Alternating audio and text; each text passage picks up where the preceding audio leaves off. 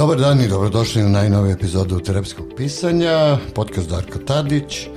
Sa mnom danas Jelena Holcer. Jelena, zdravo. Zdravo Darko, zdravo svim našim slušalcima. O čemu danas pričamo, Jelena? Danas pričamo o roditeljstvu, o različitim zabludama, mitovima, stereotipima, predrasudama koji dalje postoje. U, to je dobra tema, kako bih rekao, malo da pustim neku dramatičnu muziku, pošto sam rešio da se malo svađam s tobom u ovoj ah. epizodi, ali na jedan nova fin način mislim da će biti zanimljivo. Dobro, ima tu interesantnih stavova. Pa, e, eh, od čega da počnemo? Ajmo da kažemo koji bi to bio mit, odnosno zabluda broj 1, najčešće. Znaš što, toliko ih mnogo ima. Mene samo zanima kad su nastali prvi slučajevi tih zabluda, pošto ja u svojoj praksi svaki dan gledam da oni u punoj snazi traju i dan danas. I ne znam kako su se neke druge stvari promenile i napredovale o tehnologiji da ne pričam, ali ovo nešto čini mi se na po pitanju roditeljstva kao da stojimo na istom mestu vekovima u nas. Pa znaš šta, evo da moje neko iskustvo kad smo se dogovarali za emisiju, I kad si ti došla, ja sam odmah se, prvo što sam setio kad sam govorila o roditeljstvu kao takvom, je ono, znaš, kao, uh, ja kad sam, prvo niko nas ne uči da budemo roditelji, jel da, nema, nema ono da obuka, kao što imaš za vozački ispit, na primjer, tako? Znači svako može da bude roditelj. Pod dva, ono što je meni interesantno bilo da sam ja podizanju mog deteta, odnosno oba deteta, eh, koristio čuvenog doktora Spoka. To mi je knjigu mm. uvalila mama znači, naravno, izašla ovaj naravno. kad su bili prvi igrači, a što plače, daj da vidimo šta kaže Spock. Znači, ono kao, pa plače zbog ovog, zbog onog i tada i tada. Sad ima novih nekih doktora, ali tako, ima ti knjiga i autora. Ali ti si ovde rešila, kad sam vidio ovaj spisak koji si donela, uh, eto, ima tu nekih desetak, da kažemo, mitova, uh, oni su nekako najčešći zapravo. Oni jesu najčešći. Doktor Spock u toj svojoj čuvenoj knjizi ima jednu fantastičnu anegdotu. Došla mu je majka sa bebom starom tri meseca i pitala je kad je pravo vreme da počnem da vas pitavam svoje dete. A on kaže, gospođice, vi ste, gospođo, vi ste već uveliko zakasnili. To se meni strašno sviđa. Odlično. Da, istina odlično. je da ne postoje škola za roditelje osim što postoji ova jedna moja, a opet ja sam je i napravila sa idejom da pod jednim krovom roditelj može da ima svaku vrstu podrške koja mu, koja mu zatreba u tom procesu roditeljstva. Baš zato što Nas niko ne uči kako da budemo dobri roditelji i šta to sve podrazumeva. Zanimljivo je što za svaki posao koji ti treba od toga da hoćeš da otvoriš pekaru, do toga da budeš doktor nauka, šta god da radiš, treba da imaš neku školu, neku edukaciju, nešto, što više edukacije to bolje, a za ovo što svi kažemo da su nam najvažniji u životu koji imamo odnosi sa decom, Za to ne postoji ništa. A opet, ne piše ovde a, na ovom mom spisku, ali jeste prisutno kao činjenica, čini mi se, kad ti se rodi dete, od tebe svi očekuju da ti znaš odmah sve – Kako da znaš? Druga, Na osnovu da, čega da znaš? To, to je naravno tačno. Druga dimenzija je to što te greške zapravo se vrlo teško ispravljaju posle. Jel? Mene mnogo ljuti. Znači, zašto nas niko ni... Ja bih sigurno bila mama i da me neko obavestio, ali opet bih imala nekog mogućnost izbora. Ali me niko nije obavestio. Ono što se očekivalo od mene da znam, na primjer. ja nemam više nikakav luksuz da se ozbiljno razbolim ako ja moram da brinem o detetu ili deci, ka, kad ću ja tačno da se, kad, kad ću smeti da se razboli? Nemam luksus da odem na put oko sveta na ne znam koliko meseci. Nemam luksus da, um, kako da kažem, da nemam posao. Znači, da. mnoge stvari, mnoge slobode o roditeljstvom više ne važe. Pa Prestaju da postoje. Da, kao što vidiš u poslednje vreme u našem modernom društvu, uh, Um, to je čini, znaš, poznajem mnoge mlade roditelje koji nikako da se našto odreknu tih navika, odlasti noću, izlasti u restorane i ovamo, namo.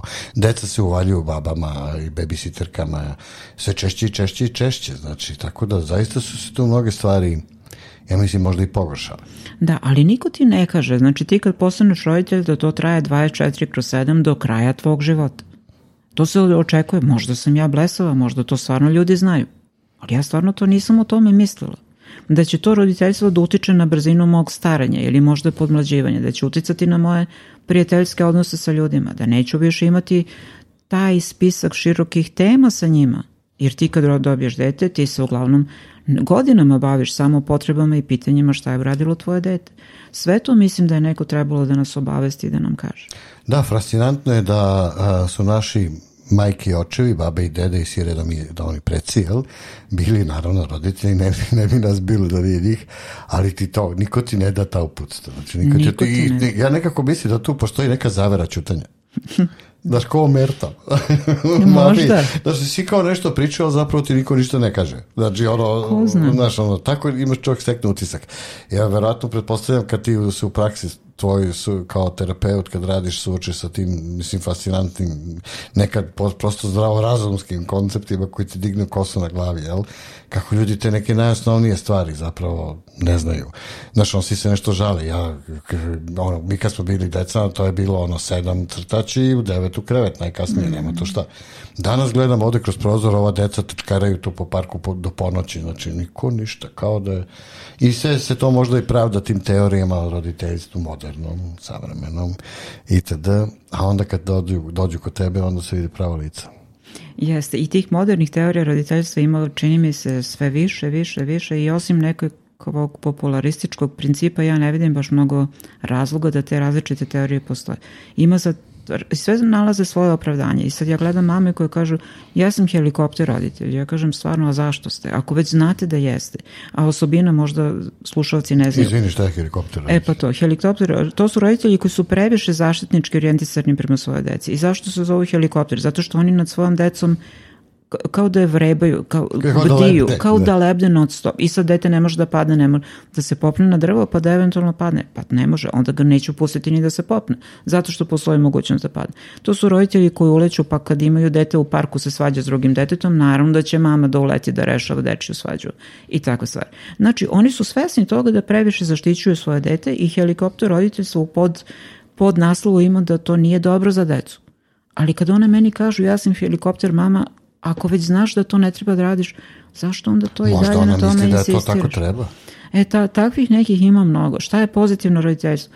Pozitivno roditeljstvo da dete nema nikakvu kaznu, okay, to je diskutabilno, možemo da to komentarišemo na ovaj ili onaj način šta je kazna uopšte, ali zapravo ti roditelji odu u drugu krajnost, pa osim što dete nema kaznu, nema ni nekakvu granicu ponašanja i onda su to ta deca koju ti vidiš koje je sve dozvoljeno. Naravno, to su onda, evo, uključujući roditelji koji dolaze da biju nastavnike jer nisu zadani dečijom ocenom. Jel? Toga stvarno u praksi ima. A onda na kraju dođemo do toga da vic. deca biju nastavnike. Jel? To sve nije vic, to postoji i to je naša realnost. Nažalost, da. Dobro, ovaj, ajde jedna mala pauza pa da krenemo sa ovim mitovima. Ajde.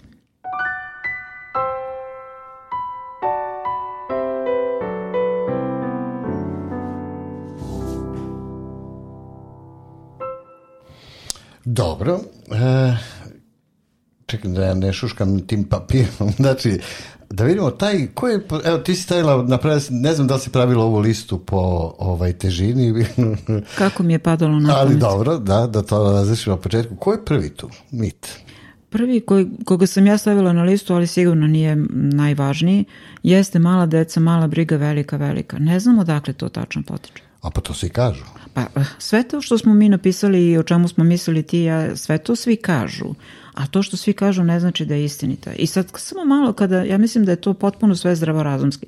Zašto bi tačno mala deca bila mala briga velika? Zbog čega? Pa možda zato što recimo mala deca imaju malo, malo potreba. O, malo traže od nas. Da, ali mala deca ne umeju da ti to kažu, ne umeju da ti verbalizuju.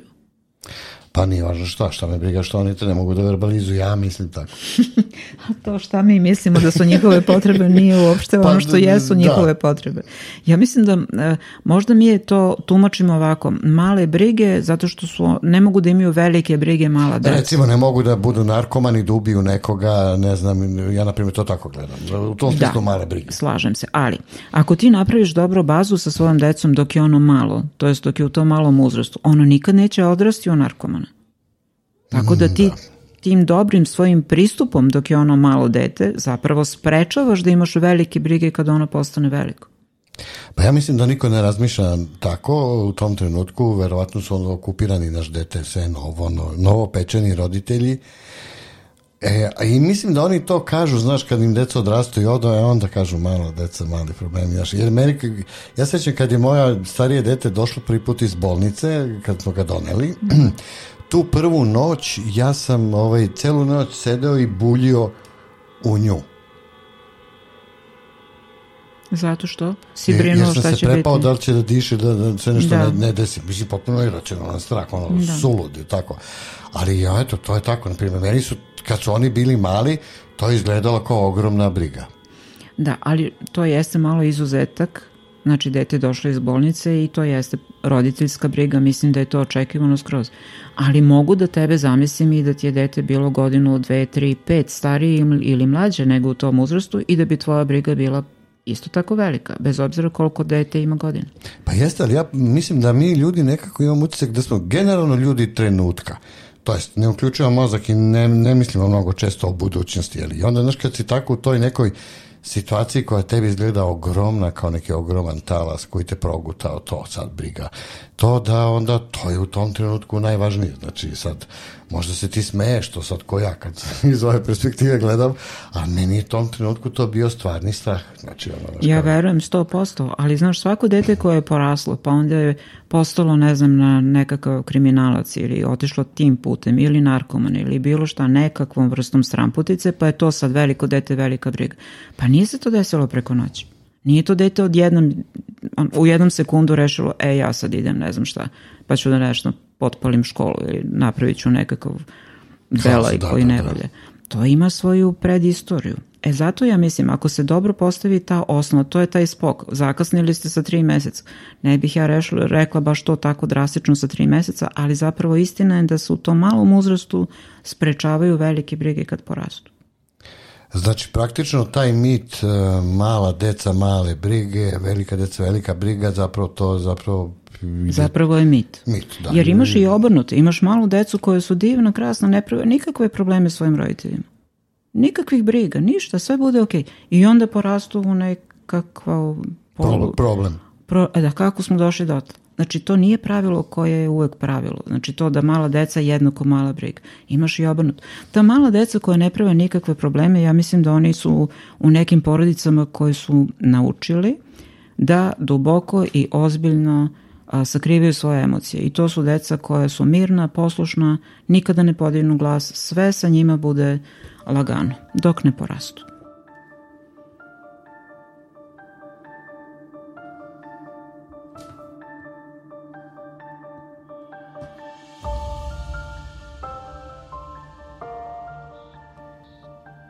Znaš što kad si rekla uh, nemaju to, to mi zvuči ovo malo pre što si rekla, kao, da je to tako bila su divna deca kao mala. Nisu plakala, redovno su spavala, nisu pravili problem s jelom i tako, a onda kad odrastu ne možda ih prepoznaš uopšte. Mm. Kako to gledaš? Znači, to, oni iskaču iz te šeme mala deca, mali prednavljenje, ali zar to nije i dalje jedan samo mit? To je jedno što me podsjeća na ono kao kad u novinama naš nek kažu ovi tabloidi ne znam, ubio ženu i to ne znam šta, ili žena muža nije ozna. A divan komšija. A bio divan čovjek, kaže, o, stano se javljao u svima u zgradi i prave kola redovno ispred zgrade. Tako je. Koliko smo i površni zapravo, nemamo pojma, znaš. A mi, on, mi našu decu ne poznajemo uopšte. Znači, to je jedna, to nije ni mit, to je činjenica koja je kao kuća velike stvarno. Ima ta lepa podela eksplozivan, implozivan, bez. Eksplozivan, pa to su ljudi koji viču tako u afektu, brzo se izviču, brzo im taj nalet besa prođe, ali brzo dođe, ali brzo i prođe kratko traje, burno je, grozno je dok traje, ali brzo prođe i u stanju su i da se izvene i to bude u redu. To su eksplozivci. Ima implozivan bes. Ima čak jedna lepa rečenica, čuvaj se besa implozivnog čoveka. I to je to. Oni gutaju, gutaju, gutaju u sebi, divno javljaju se komšiluku, sve s njima bude u redu, idu na neke poslove, tišina iza zatvornih vrata, misliš da je to neka idila porodično i onda jednog dana taj implozivan koji je gutao sve to u sebi, kako ne, kao neka čaša koja se puni, puni emocijama i onda kap koja je prelila čašu. I kad kap prelije čašu, to ili ode na bolest njegovu, ličnu, ali isto tako može da ode u smeru crne hronike, pa onda pobio je pola sela. Da, i onda se mi to, ta zapravo naša površnost, zapravo često... Skupo i, to plaćamo. Skupo, to nerazmišljanje, znači neuključivanje, neuključivanje mozga i ta egoizam i ta površnost, to je zapravo što posle skupo košta. Da.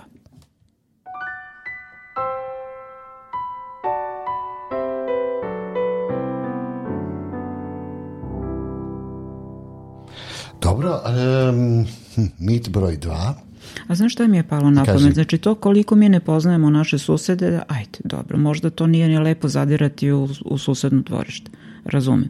Ali to što ne poznajemo svoju decu, a deca rastu tu u istom stanu, u naša četiri zida, da ne pričamo ono dok se pod mojim krovom mora da bude kako ja kažem. Isti je to krov.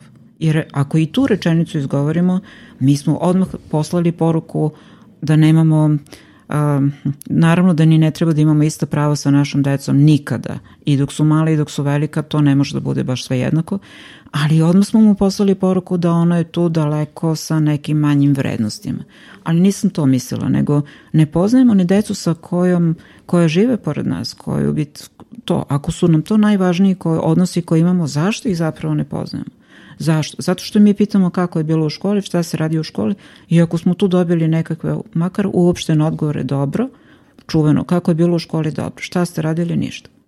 Ma nikakve informacije ja od deteta nisam ni dobila. Ako sam postavila ta pitanja i dobila te, im, te odgovore. to me podsjeća, znaš, ono kad i odrasli ljudi, naš, uhvate ženu ili mužu prevari i kažu, jel više nećeš da me varaš? On kaže, neću. E, I oni rešili, kažu, da, smo. Da, rešili smo problem. E, e tako e, i tako. sa decom. Ali ako mi pristanemo da, da nam deca daju takve odgovore, a sa pravom nam daju takve odgovore, jer na uopšteno pitanje uvek se dobije uopšteni odgovor. Mi smo pristali na te odgovor. I mi smo se zadovoljili. Mi mislimo da je to tako. Reklo bi mi da je nešto bilo. A što bi mi reklo ako ga nisam pitala? Tačno. A nisam pitala. I tako dolazimo, to je sad možda samo u mojoj glavi nastavak mitova ima koliko hoćeš. Ja među generacijama mora da postoji. Tako dolazimo do jaza među generacijama, tako što ne pitamo i onda ne dobijemo odgovor. A dete dobija poruku, ove moje roditelje ne zanima šta se sa mnom dešava, jer da ga zanima ono bi me pitalo. Roditelj bi me pitao.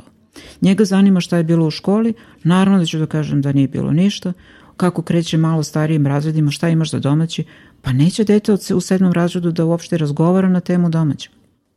Naravno, ja su uvijek setim još nekim, A zamisli kad neće o tome da razgovara što je sastavni deo njega, pa kako će tek da kaže nešto što mu se drastičnije, ozbiljnije dešava u životu? Ja nekako, znaš, ne znam, eh, mo, moja majka je bila kobac, znači kako da kažem, ništa mi nije verovala. Znači, to pod jedan. Zašto li je to tako? Da, zavisi, da.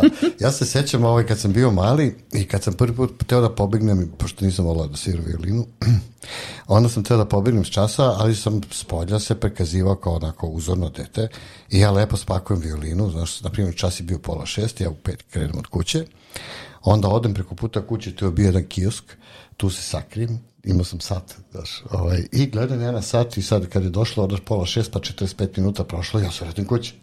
Međutim. I tu bili neki gosti i sad ja ništa zdravo, mama, mama, oni zdravo se ovdje, zdravo, pozdravim se svima, odim, odim u sobu svoju. pita me, da, pita me majka, kako je bilo na času, ja kažem super. sve super, imao sam ovo i ono, pita me profesor ovo i sve, ja bio sam odog što i to dete, vidi si danas. Ovaj, I uh, e, ništa, odim ja u sobu, ona se okrene ovim rođacima, gostima i kaže, sve je slago od aduše. Ha.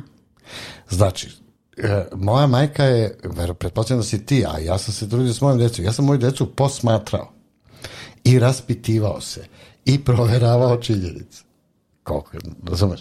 Što znači, treba je, da, da, da, je normalno da odeš u školu povremeno, jeli da, mislim, to je institucija u kojoj idu tvoje dete, zove se škola, tamo se nešto uči, ima i knjige. Ovaj, odeš tamo, pa, pa tamo su služili oni, ja ne znam, verovatno danas postoje ti roditeljski sastanci koji su bili da. relativno redovno, pa ti tamo ti izveste, jel? I sve tako redom. Tako da nema e, opravdanja, znaš, kao ne Kako znam šta mi Kako je tvoja majka provalila da nisi išao? Pa, pa, mislim, mama, majka je bila visprena žena, prvo me provalila zbog satnica. Znači nisam da Dobro. mogu da se vratim do škole i nazad, znaš ono, od pola šest času, šest i petnaest, ja odmah kući. Znači, a ne ono vreme da dođem do kući. Mm. Znači, to ja sam se zeznuo tu, pošto sam bio mladno glupi, najmanji, ali kao... Ali ovaj, tako da me provalio, znači, e, očigledno, to je, opet se vratimo na ono isto, znači, ne mislimo, ne uključujemo mozak i ne bavimo se decom. Pa naravno. Napravi, e, to je pojenta Apsolutno. Ili recimo meni roditelji kažu, gleda me u oči i laže. Pa ja kažem, pa naravno da će da vas gleda u oči. Pa da. Šta je tu čudno? Šta je tu čudno? pa vi kad lažete kao odrasla osoba, da li stvarno spustite glavu ili šta radite vi kad lažete?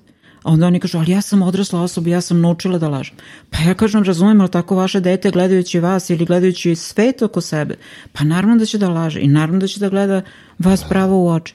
Tako da to što je radila tvoja majka jeste zapravo način da se dete posmatra ne samo verbalno šta je izgovora, nego i neverbalno. Tako je, ja prosto... Dobro, naravno, ja razumem da smo mi svi ljudi različiti, imamo različite kapacitete, ajde da kažemo, ovakvi smo i onakvi smo, znači stvarno nas ima raznih. Ali neke fundamentalne stvari bi zapravo zaista trebalo. Pa na kraju, ako to roditelji ne znaju, pre nekim dođu u školu, zovete ili pre kuće. Ja isto mislim, ili znaš što, kao, moje dete samo sedi na igricama i kao gleda, naravno da oni nemaju pojma koje igrice dete igra, to je prestala sam već i da pitam. Znači, svi su žale kako tinejdžeri sede u susednim sobama i igraju igrice. Ja pitam koje igrice, niko ne zna da mi kaže koje igrice. Ok, to mi je toliko već postalo jasno da to više ni ne pitam. Ali oni se žale zašto njihovo dete je stalno na nekom internetu. Ok, ja kažem, a kako vi provodite vaše slobodno vreme? Pa ja sam na televiziji. Ja samo gledam televizor. Ja kažem, jel mislite da je to mnogo različito od toga kako dete provodi vreme? Ono koristi svoj medij koji je blizak njemu i njegove generaciji, a vi koristite svoj koji je blizak vašoj generaciji, ali zapravo je to ista stvar. Tačno. To oni uopšte ne misle tako. Nije im palo na pamet. Šta bi bilo kad bi bilo? Kad biste vi ugasili TV u svom stanu, neće to baš preko noći da se desi, ali kad bi dete gledalo vas, koji po ceo dan čitate knjige, idete napolje, šetate, družite se s prijateljima – Da li stvarno mislite da bi posle mesec dana ono i dalje sedelo za, u svojoj sobi za igricom. Tu si rekla jednu rečenicu, ja za, zaista ne znam kako sam bio roditelj, to će moja deca da kaže najbolje, ali ono što sam znao jednu jedinu stvar, koju sam se držao ko pijan plota, što bi rekao neko, jeste da, e, što, bez obzira što sam ja govorio vam tamo, ja sam od uvijek bio svestan da moja deca gledaju šta ja radim. Naravno. I to je ključ. I sad se, to je jedan, mislim, koliko puta smo pričali, znači, jedan od najvažnijih aksioma u psihologiji čoveka, psihologiji generalno, jeste da gledaš šta ljudi rade, ne šta govore. Apsolutno. Znači, to je ključ priče, jer on može da laže, kao su isto lažu, jeli. Na ovaj ili onaj način prikriju se neke interese ono tamo, ali prije kasnije, kad ga posmataš u malo dužem vremenskom periodu, on će se vratiti na svoju matricu i radit će ono što je njemu što on hoće, znači ono što Jest. on stvarno želi, znači što gde je usmeren. To je tačno. Tako da to naročito za decu važi. Kao, znaš kako, meni, evo, pre neki dan sam razgovarao s jednim prijateljem, znaš kao, nisu primetili njegovi prijatelji da im je dete narkoman. Kako nisu primetili? Nisu gledali. Pa to kažem. Da znači, da su gledali i primetili. Pa to da. kao, ne možda ne vidiš, znači promenu, aj možda ne u prvih 15 dana, mesec dana, šest meseci, ali vidiš, pre ili kasnije, jel? Dok ne dođe do drastičnih posledica. Ako gledaš i hoćeš da gledaš, vidiš.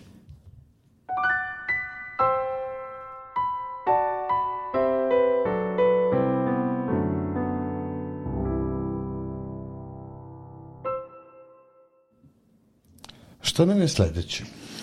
A, pretjeranom ljubavlju deca će se razmaziti. E, da, to je isto do, dobro. Stvarno ne znam kako će to moći da se desi. Znači, nema, prvo ja mislim da ljubav ne može da bude preterana, sigurna sam u to, ali jer razmažena deca su takođe voljena deca.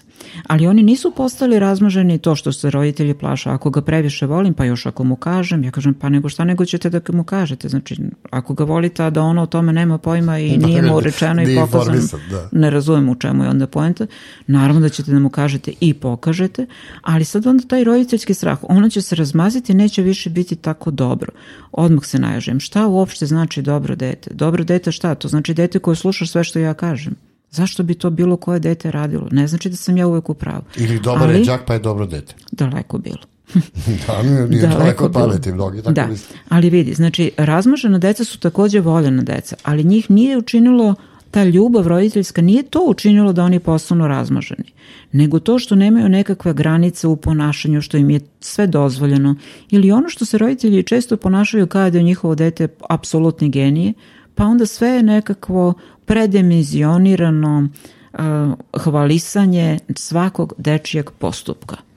E, to u stvari dete čini razmaženo i onda ono kad misli o sebi da je centar sveta ili da je centar svega, onda ono gde god se pojavi od vrtića do škola očekuje isti takav status gde god daje u svakoj socijalnoj sredini i misli ako mogu kod, kod roditelja u, u svom stanu da se ponašam bahato ovako i onako i to mene obožavaju sa tim, Znaš, onda ću to isto da primenjujem drugde. Znaš ja mislim, Tako se posle Ja mislim da je to dete. Da. zarazna, ovaj, zarazan mit, odnosno da, da deca dobijaju takve koncepte zato što tak, njihovi roditelji su takvi.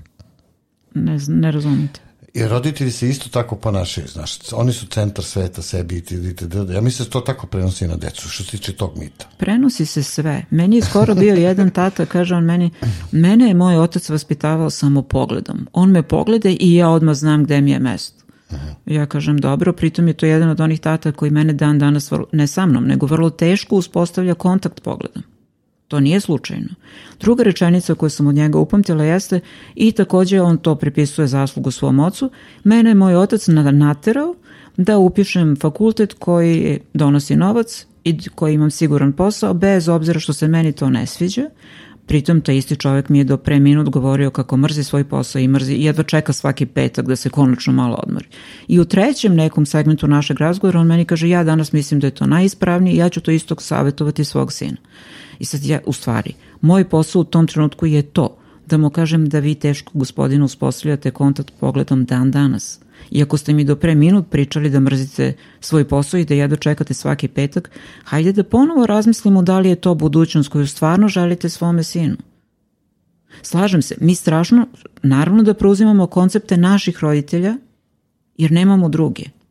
Ali kada na tome radimo i kada to osvešćujemo, hajde da razmislimo da li je to najbolje za našu decu. Da, očigledno da zapravo nekako smo ogledala našoj deci, ali preslikavamo se, hteli to ili ne. To je najjači po meni model, znači to, ja lično nisam stručnjak kao ti, više sam laik za to, ali nekako intuitivno sam gledao, da, e, gledajući druge dobre roditelje, da kažemo uspešne roditelje, da se zapravo, opet se vraćamo na to, znači deca gledaju to sve, upijaju, znači Naravno, to pogotovo u tom ranom primjerom. uzrastu. Posle kad dođu vršnjaci, to je druga priča. Druga priča. Ali i tada oni i dalje žive još uvijek u toj kući. Najčešće, ali sa roditeljima do 18. 20. već koje godine. I to je ključ. Da, ali znaš šta, roditelji uglavnom misle ja ću biti dobar primjer svome detetu, po čemu? Po tome, naravno to sad kao ako ja zdravo živim, e, nemam neke poroke tipa alkohola, kocke, ne znam, bilo čega, e onda je to dobar primjer za moje dete. I ja se s tim slažem. Ali drugo što roditelji takođe kad misle o sobstvenom ličnom primjeru, šta se čega, čega se često sete, ja sam uspešan u svom poslu i to je za moje dete primer – ili poruka kako i ono treba da radi, da ima radne navike da bi sutra bio uspešan u svom poslu. Ja se s tim slažem takođe. Međutim, ono što nikada još nisam naišla kod roditelja, a što se meni, meni lično, možda ja nisam u pravu, meni se to čini najvažnijim primjerom koji možemo dati deci, da budu zadovoljni životom. Zašto to? Ja mislim da je uspešan čovek onaj koji je zadovoljan svojim životom. Pa ja sam iz tog razloga recimo često mojim klijentima na terapiji pisanjem e, e, uopšte više ne koristim pojam sreće. Nego? Ne, jeste zadovoljni vašim životom. E pa tako. Tako ga pitam. Ne, ne jeste vi srećni. No, sreća je mnogo varljiv e, termin i mnogo se izraubovao i, i mislim da ima potom pogrešno značenje. Pitaš nekoga da li je on zadovoljan svojim životom. To je po meni Ja mislim da je to, ali to je isto primjer koji mi dajemo svoje deci. Znači ja ću biti, sad je to individualni razlik i ima, ima ih koliko hoćeš, ali recimo ja, ja sam zadovoljna svojim životom zaista, zato što između ostalog radim posao koji volim, imam svoje prijatelje koje volim, imam svoj taj mikrosvet koji mi odgovara, pokušavam da ga proširim, pa mi to ona uspava, pa ću pokušavati dalje, uspešno ili manje uspešno, nije važno. Ali ako sam ja zadovoljna svojim životom, onda ja dajem primjer svom detetu Tačno. Da je to vrhovna vrednost. Znači, zadovoljstvo poslom je samo jedan segment, jedan deo te vrhovne vrednosti. Tačno, nije ona kao, znaš, ja ti kupim sa telefone, si srećan. Mislim, e, potpuno besmislena stvar. Evo, da.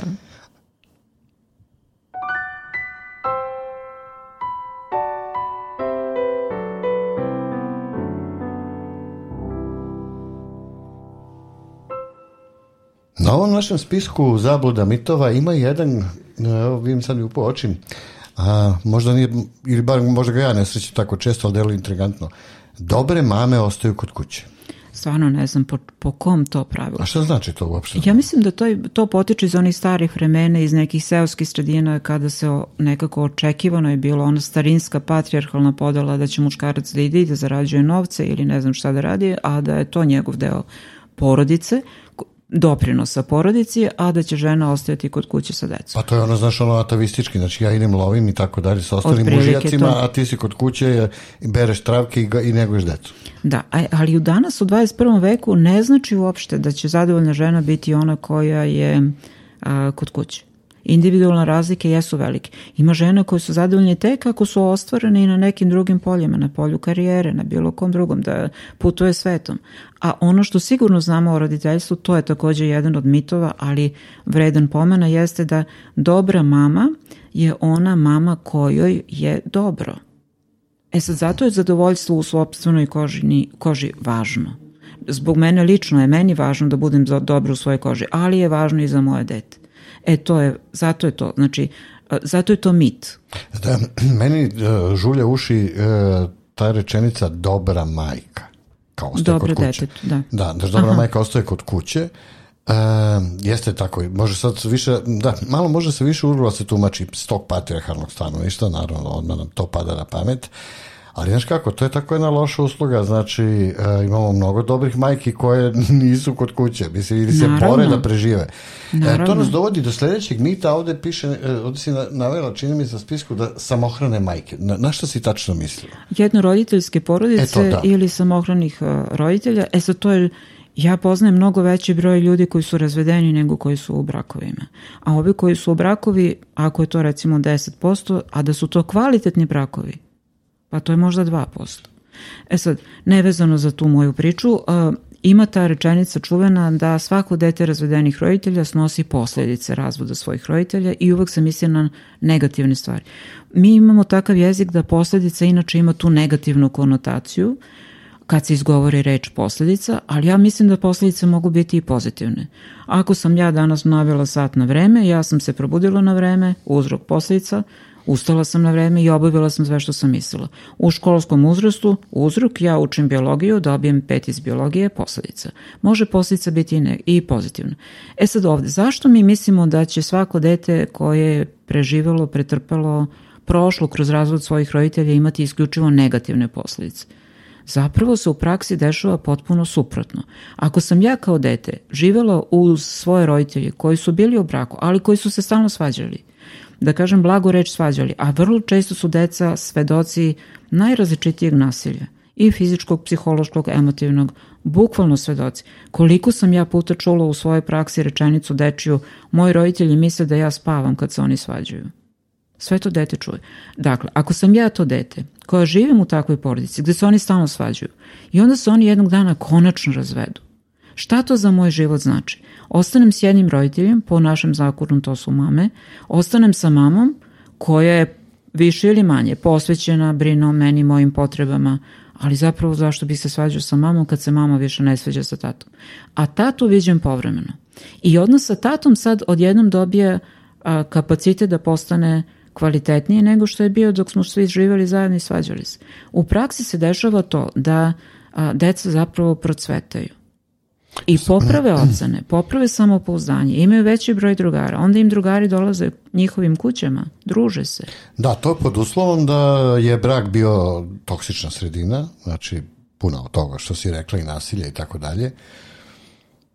Ali za ne misliš, u stvari možda idealan brak i ne postoji to kad bi oba roditelja bila tu i bilo da kažemo, to je idealan. To bi bilo brak. idealno. A šta ali je sa onim majkama im... koje dobiju decu, a ništa, mislim ono kao Ne bave se svojom decom. Misliš posle razvoda? Da. Dobro, ali jazda da se nadamo da imaju dobar sistem podrške. Jer imaš... Ne znači da bi se bavile svojom decom i da su ostale u tim brakovima. Ali, I to znaš, je tačno, naravno. Da, ali recimo sva istraživanja i statistike potvrđuju da deca razvedenih roditelja postižu apsolutno ista akademska postignuća kao i, i da su odrasli u, punim, u potpunim porodicama, da imaju podjednako kvalitetne socijalne odnose, da iz svojih bračnih zajednica sutra ne odlaze ni brže, ni sporije, niti ne ostaju duže nego ovo koje su odrasla uz oba roditelja. Tako da, e sad, kada bi ja ili neko od moj, ja to često radim zato što imam mnogo godina i mnogo godine prakse i sigurno sam u ono što pričam. Ali zapravo da sam ja ovo isto pričala, iako sam to mislila pre 20 godina, da sam to rekla, to bih ja odmah bila na nekom stručnom stubu stra, srama, jer bi me proglasili da sam ja protiv porodice i ne znam šta, protiv vrednosti porodice. A nisam. Nego samo volim da pričamo onako kako jeste. Da, to, taj mit da dobre majke e, ostaju kod kuće i da samohrane majke su oštećene i nisu sposobne da naprave, da podižu decu. To je stvarno a, e, mit. To je mit, jeste. A ko je napravio taj mit? Muškarci? Pa, znaš šta, i ti muškarci koje prave mitovi, njih su rodile neke žene, tako da... Hm, žene, muškarci, kokoška, jaje. Da, to ostaje pitanje. A, no, vidim da ti kažeš da su istraživanja na tvojoj strani i podaci na tvojoj strani, da, deca iz razvedenih Pa najčešće, mislim, ljudi se ne razvode, mislim, ljudi se redko razvode zbog, um, kako bih rekao, hira, jel? Znači, naravno. ima tu dosta, počeš od naravno nasilja, što je jasno, Pa do, prosto ljudi se ne slažu, što bi živjeli u nekim zajednicama koja, mislim da moraju da se bio, jeli, ali prosto ohla, ohlade se, deca osjećaju yes. te hladne odnose, vide da nešto nije u redu. E, da li misliš da su, de, da su deca iz brakova tako loših koji formalno opstaju, oni su zapravo mnogo teže situacije? Apsolutno, oni ostaju da žive u tim toksičnim sredinama. I takvih je mnogo, čekaj da kažem, znači, ima mnogo. puno ljudi koji se ne razvode, jeli, jako praktično više kod da ne, ne žive zajedno, fizički žive zajedno. Slažem se. Ja mislim da je ona rečenica bolje dobar razvod nego lož brak, da to nije mit i da je to stvarno istina. Jer ova deca koja ostaju, žive u lošem braku svojih roditelja, to je taj model koji oni kupe i prenose u svoje porodice sutra, jer to je jedini model koji oni poznaju.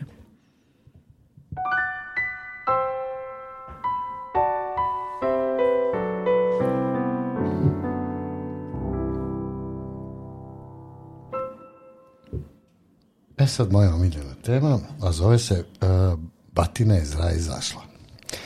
E, uh, sećaš se, bilo je pre nekoliko godina, neću pominjati imena, bilo je pre nekoliko godina žestih, žešćih rasprava kad su valjda uvodili ove zakone porodične, tako dalje, ovaj, da roditelji ne smiju da biju svoju decu, da je fizičko kažnjavanje loša stvar, e, da je, to se sad nekako proteglo da je kažnjavanje je loša stvar, sad ne znam šta je kazna, mislim, ajde, tomu možemo da pričamo.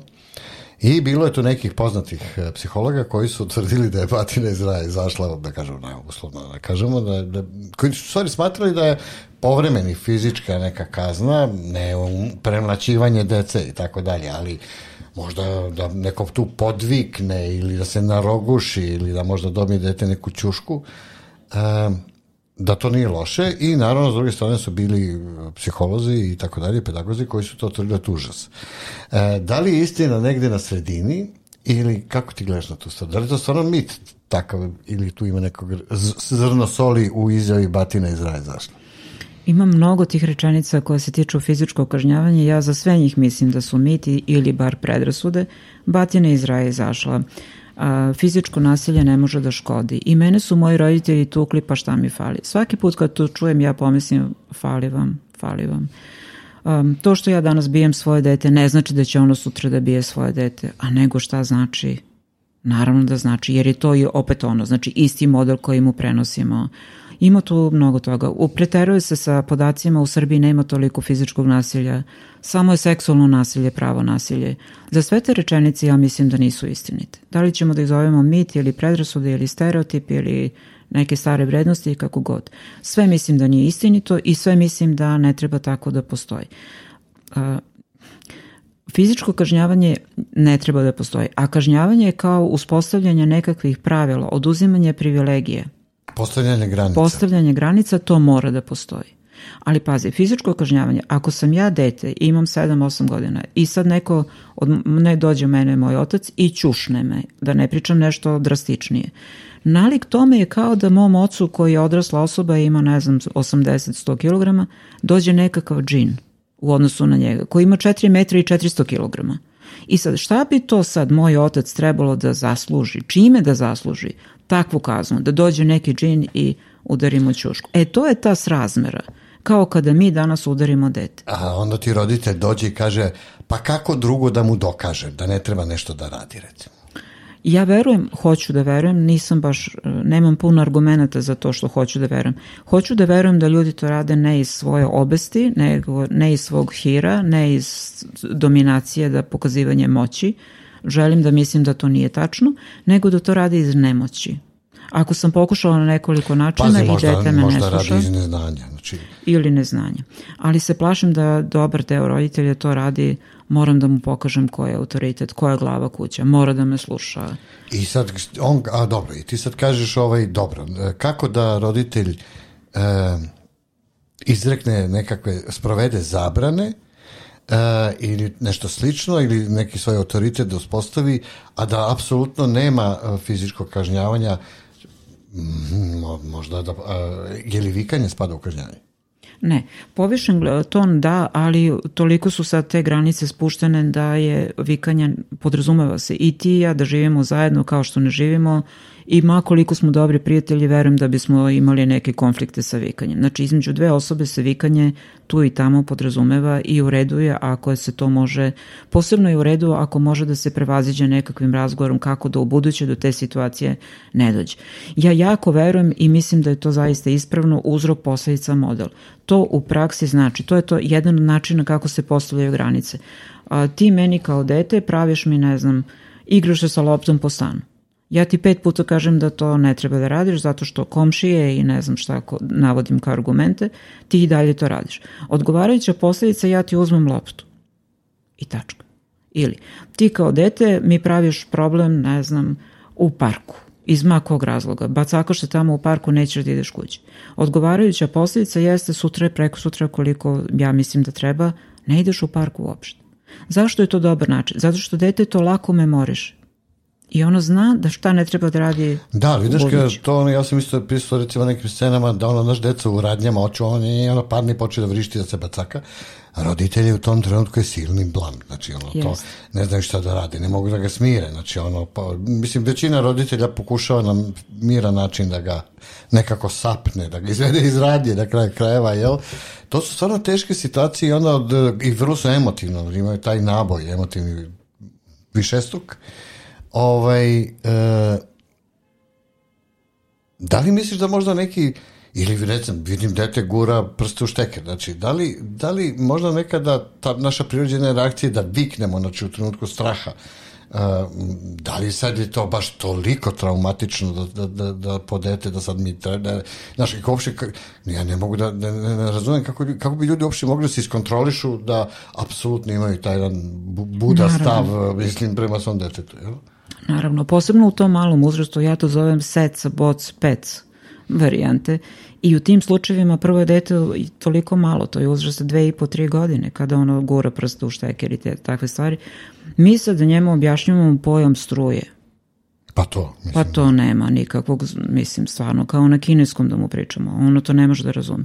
To su situacije kada se reaguje impulsivno i kada to nekakvim pljeskanjem po ruci ili trzanjem ili dete koje pretrčava ulicu. Dok ja njemu objasnim koje su moguće opasnosti, pa naravno da ću da ga cimnem i povučem nazad da bi ostalo bezbedno. Znaš Tako da, to, da- su, to su izuzetci. Volao bih da mi, e, evo ima jednu dilemu. E, ja sam nekad i vikao, ponekad sam i čušna moju decu, naravno, priznam mi se, nema tu šta. Nije tu bilo ništa, mislim, drastično. Ali, nekad, znaš, razmišljam, ako pričamo ti i ja i čitam, pratim i te rasprave i tako dalje, e, i među odraslima, znači ne samo u odnosu roditelj-dete, ti probaš da e, osobu e, ubediš u nešto ili da iz neke rasprave oko nečega ti izađeš argumentima e, kako bih rekao na sve moguće načine putem razuma da ga privoliš da ili da, da nešto razrešite neku situaciju na primjer kao kažeš na primjer partneri se svađaju i sada se ne bi drali i tukli ovaj eh, hajde da razgovaramo je li ali u praksi se meni čini moje neko iskustvo to je dobro kao ideja mi mislim da možda i funkcioniše ali kod relativno malog broja ljudi nekako imam utisak sa svim mojim, mojim godinama i iskustvom da mm, to baš nije neko rešenje iz prostog razloga što sam nekako sve više svestan da sila, govorim u najširnom smislu te reči, je jedan od ključnih, e, kako bih rekao, e, načina komunikacije među ljudima, to je prva stvar, uključujući i najšire, znači od ratova i tako dalje koji neprekidno traju, znači na velikoj skali, do ovih znači interpersonalnih odnosa uh, kojima možemo da budemo akteri svakog dana, od autobusa, radnje da odemo na poslu, mislim i čak i u partnerskim vezama i tako dalje, da prosto naš, e, da su na ti naši e, odnosi sa ljudima toliko nabijeni emocijama, da ljudi toliko ne uključuju mozgove, da, da, da mnogi nemaju ni kapacitet da uključe mozgove i da je onda sila prosto se nametnula kao jedini način rešavanja odnosa kako na kraći, tako na duži rok. Mislim, možda to zvuči ovako jeretički ili ja to nisam uspeo dobro da objasnim, ali prosto ne znam da li me razumeš. I sad onda kao kažu batine zra izašla. Da, ne, naravno, možda, naravno, niko nije, nije luda i, i ne želi da bije svoju decu.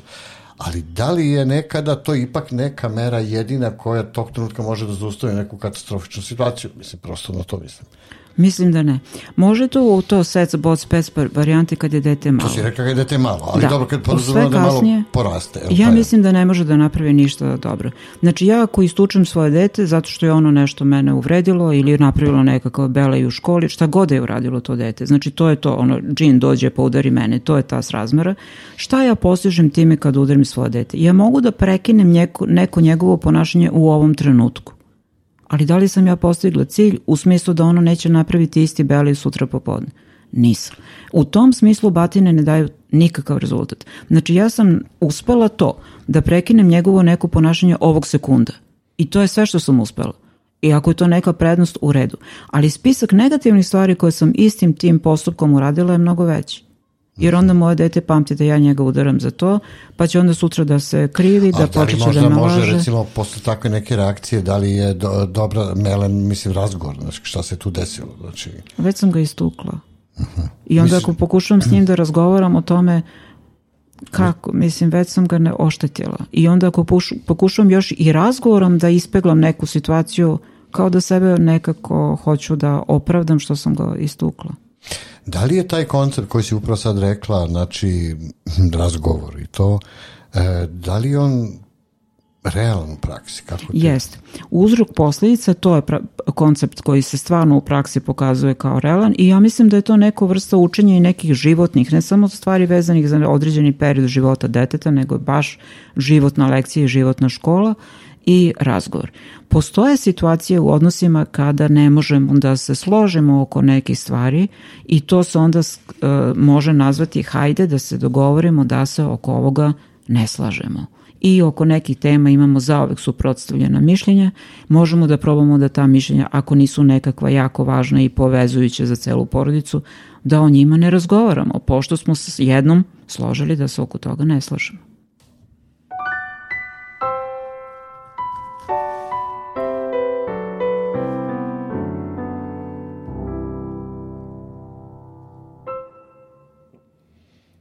je s ovim mitom da se svaka majka, kako si napisala, zaljubi u svoju bebu, ne, odmah? Svaka majka se odmah zaljubi u svoju bebu čim je vidi. E, I da, svaka da, to, majka da. odmah zna šta koji plač njene bebe znači. Ja mislim da sve žene, posebno žene koje prvi put rađaju, su čule tu rečenicu i ne znamo dakle to potiče. Zapravo, potrebno je vreme, ti rodiš bebu i ne znaš ništa o njoj tek treba da je upoznaš. I ako si prvi put majka, tek onda nemaš pojma šta te sve Još čeka. Još ako si se namučila na porođaj, je tako je to bilo nešto strašno. Mislim, to sam da. video, mnoge moje drugarice su Kako mi to da pričale. Da, Da, ono, e, da, taj mit, znaš, ono, ono što u filmovima vidimo, znaš, ona se porodila u 5 sekundi i odmah je doneli bebu i svi srećni sijaju. Ma, znači, ja mislim da to, to je prosto ono. Kako, to je meni su mnoge mame rekle, ono, da neću da ga vidim, znači, pusti me sad. Znači, ono, bar prvih tih neko sati, nekoliko šoka roka, znači dok, dok, dok to sve dođe. Zapravo je potrebno vreme da ti tu bebu upoznaš da bi stvarno znao o čemu se radi. A zašto se vrši tom izjavom, toj, tim mitom da ma, svaka majka se odmah zaljubi svoju bebu, zašto su pritisak na žene? Ba, na žene se vrši, to je sad, mislim, poseban spisak na koje sve načine se vrši pritisak. Ili meni je toliko žao. Znači, kad se rodi beba, više niko ne pita tu mamu kako si ti. Ne. Nego, da, kako ti je beba? Da li je jela, da li je spavala, da li je kakila, šta je, šta je radila? Onda s uvođenjem čvrste hrane, danas pane, sutra banana ili već ne znam taj raspored. Prohodavanje, progovaranje, znači sve, znači ja mislim da kad se žena porodi sledećoj godinu dana minimum, niko nju neće pitati kako si ti. Sva pitanja se odnose na bebu. Zar to nije pritisak na tu ženu? Pa mislim, prilično odvratno. Znaš, mada ja znam mnogo muškaraca koji se recimo iznenade kad dođu kući i vide neku malu decu. Neki mali, mali ljudi žive tu neki. Znaš. Jeste. Ali, nažalost, da.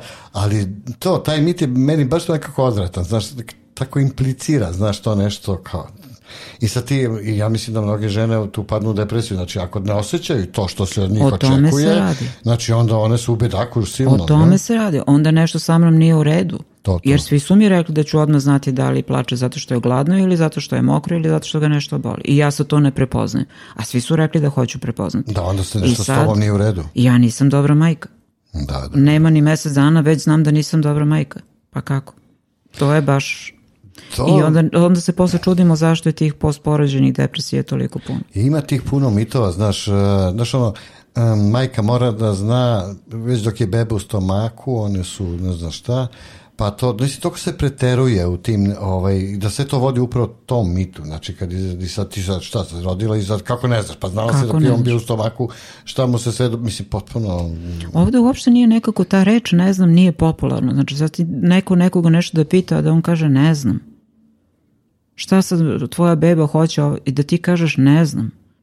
To ne verujem da se uopšte i dešava. Bar da. neko od nas gde svi sve znaju. I onda se zovu sve krve i ove majke, u znaš, u pomoć, zašto plači, ja sam mu sve ovo, kao, pa kako ne znaš? Da, halo beba. Ti si mu majka. ja, da, da, da.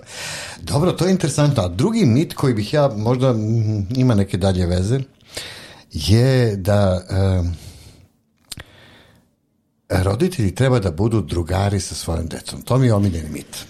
Ah, ovaj, e, suzdržat ću se od nekih prijatnih komentara. Znači, ovaj, kao mi smo drugari, znači, i to, meni to odvratno. Slažem se, ali ne znam uopšte... I zašto to? Šta to znači uopšte? Na to se naslanja ono, nikom ne, ne, nikad neće imati takve prijatelje kao što sam mu ja, ili ono, svaki dečiji problem je i moj problem, Ne znam kako smo došli do te simbioze koja je potpuno nezdrava i za nas kao odrasla osoba i za našu decu. A to me podsjeća, znaš, ono kad kažu ja sam te rodio, ja ću te ubiti. Ah, divno. Zamislite, te, to, to je to. Znači, to neke, a jedno i drugo i treće asocira na te neke simbioze imbecilne. Mislim, potpuno znači nezdravo. To? Potpuno nezdravo. Ali zar nije normalnije, kad malo razmisliš, normalnije je valjda da dete ima drugare vršnjak, među svojim vršnjacima. A mi smo mame i tate, ne treba da menjamo, to je naj, najvažnija uloga koju ćemo, koju ćemo mi imati u, životu, u životima naše dede, dece. I sad mi želimo tu najvažniju ulogu da zamenimo za neku usputnu. Mnogo će imati drugara. Možda se tu krije rečenica da a, želimo deci, ljude u njihovom okruženju koji su toliko dobronamerni kao što smo im mi dobronamerni ali opet ne treba da budemo drugari. Ne znam, znaš šta, mene je to, recimo, ja sam primetio u jednom trenutku odrastanja moje dece da su one mene počele da zovu Darko. Ja njima kažem, nisam ja tebi Darko, ja sam tebi tata. Pa to... Znaš, jer sam se osjećao povređen, uvređen. Znaš, kao, to, jer to implicira neku distancu, jeli? Znači, ja sam tebi nešto drugo od one uloge koje zapravo jesam tebi tog trenutku u životu. I generalno, uh, ne volim kada ljudi, uh, ovaj, ja vidim puno ljudi ima tu naviku da svoje roditelje oslovljavaju imenom. Jeste. Znaš, ne znam, tebe tvoj sin zove Jelena. Taman posto. E, znači, to je, znači, tu jednu vrstu, ne znam kako. I vidim da se to nešto ustalilo, da je to kao sad neki model. To koji... je moderno i popularno i to je trend. E, a pazi, druga stvar, znači, ako ja, ako ti, ako tebe tvoja čerka ili mene moj sin zove po imenu, hm, i mene više gleda kao drugaricu nego kao majku, kako, kakav ja imam argument sutra da mu bilo šta zabrani? Jer u drugarskim odnosima mi smo ravnopravni. E, da, to je ključ priče. A u porodičnim odnosima ne bi trebalo da smo ravnopravni jer ja imam koju deceniju životnog iskustva više. Ne bi smeli da budemo ravnopravni. Ali ako smo na, u poziciji drugara, ha, ja nemam ništa u svojim argument, u argumentu da, da kažem zašto ja imam neka veća prava nego on. Da, praktično te izbacuju iz one uloge koja je tvoja prirodna. Tako je. I to je jednom rečenicom. Dobro, mislim da smo ovde neke, ili ima još nešto što smo zaboravili od, od ovog spiska, ali mislim da smo neke dosta pokrili ovih stvari. Ma, ima mnogo tih, ima recimo, znam da se ne tiče baš konkretno mitova, ali ima tih, ja, ja to zovem opasne rečenice, koje su isto tako česte u roditeljskim, u roditeljskom govoru, a dok se pod mojim krovom mora da bude kako ja kažem. To što si ti se setio, a, ja sam te rodio pa ću ja i da presudim. Takve neke stvari. Znači to je... O, ja mislim da posvetimo jednu emisiju tome. Toga ima koliko To je fantastična stvar, baš i tako ćemo da zovemo opasne rečenice opasne rečenice. U roditeljstvu, jer to zapravo i jesu. Zapravo. I to ona se, ona, ona, znaš, sama ja volim uvijek da kažem, reći mnogo moćnije oružje nego... Tvoje nekad... je samo da učiš. I sad da, da, tako te nemaš drugih obaveza nego da učiš. Koliko mi ne poznajemo dete kome to kažemo, a ono u svojoj glavi kad ga pitaš ima svoj čitav svet. Tako to što je. mi ne znamo ništa o njegovom svetu govori koliko smo mi nevešti ulozi roditelja, a nekoliko je njegov svet mali. To će biti jedna dobra emisija. Mislim, e, Evo neke, pomenuli smo neke baš onako najčešće mitove, baš mi je drago da smo ovu emisiju posvetili tome. E, Jelena, hvala ti. Uvek sam tu. E, vama hvala što slušate. Evo, najavljujemo, meni se jako dopalo, znači opasna rečenica će biti sledeća emisija. Hvala što ste bili sa nama. Slušajte moj podcast e, Terapija pisanjem na www.darkotadis.com i do sledećeg e, slušanja Uživajte, budite svoji, čitamo se i pišemo.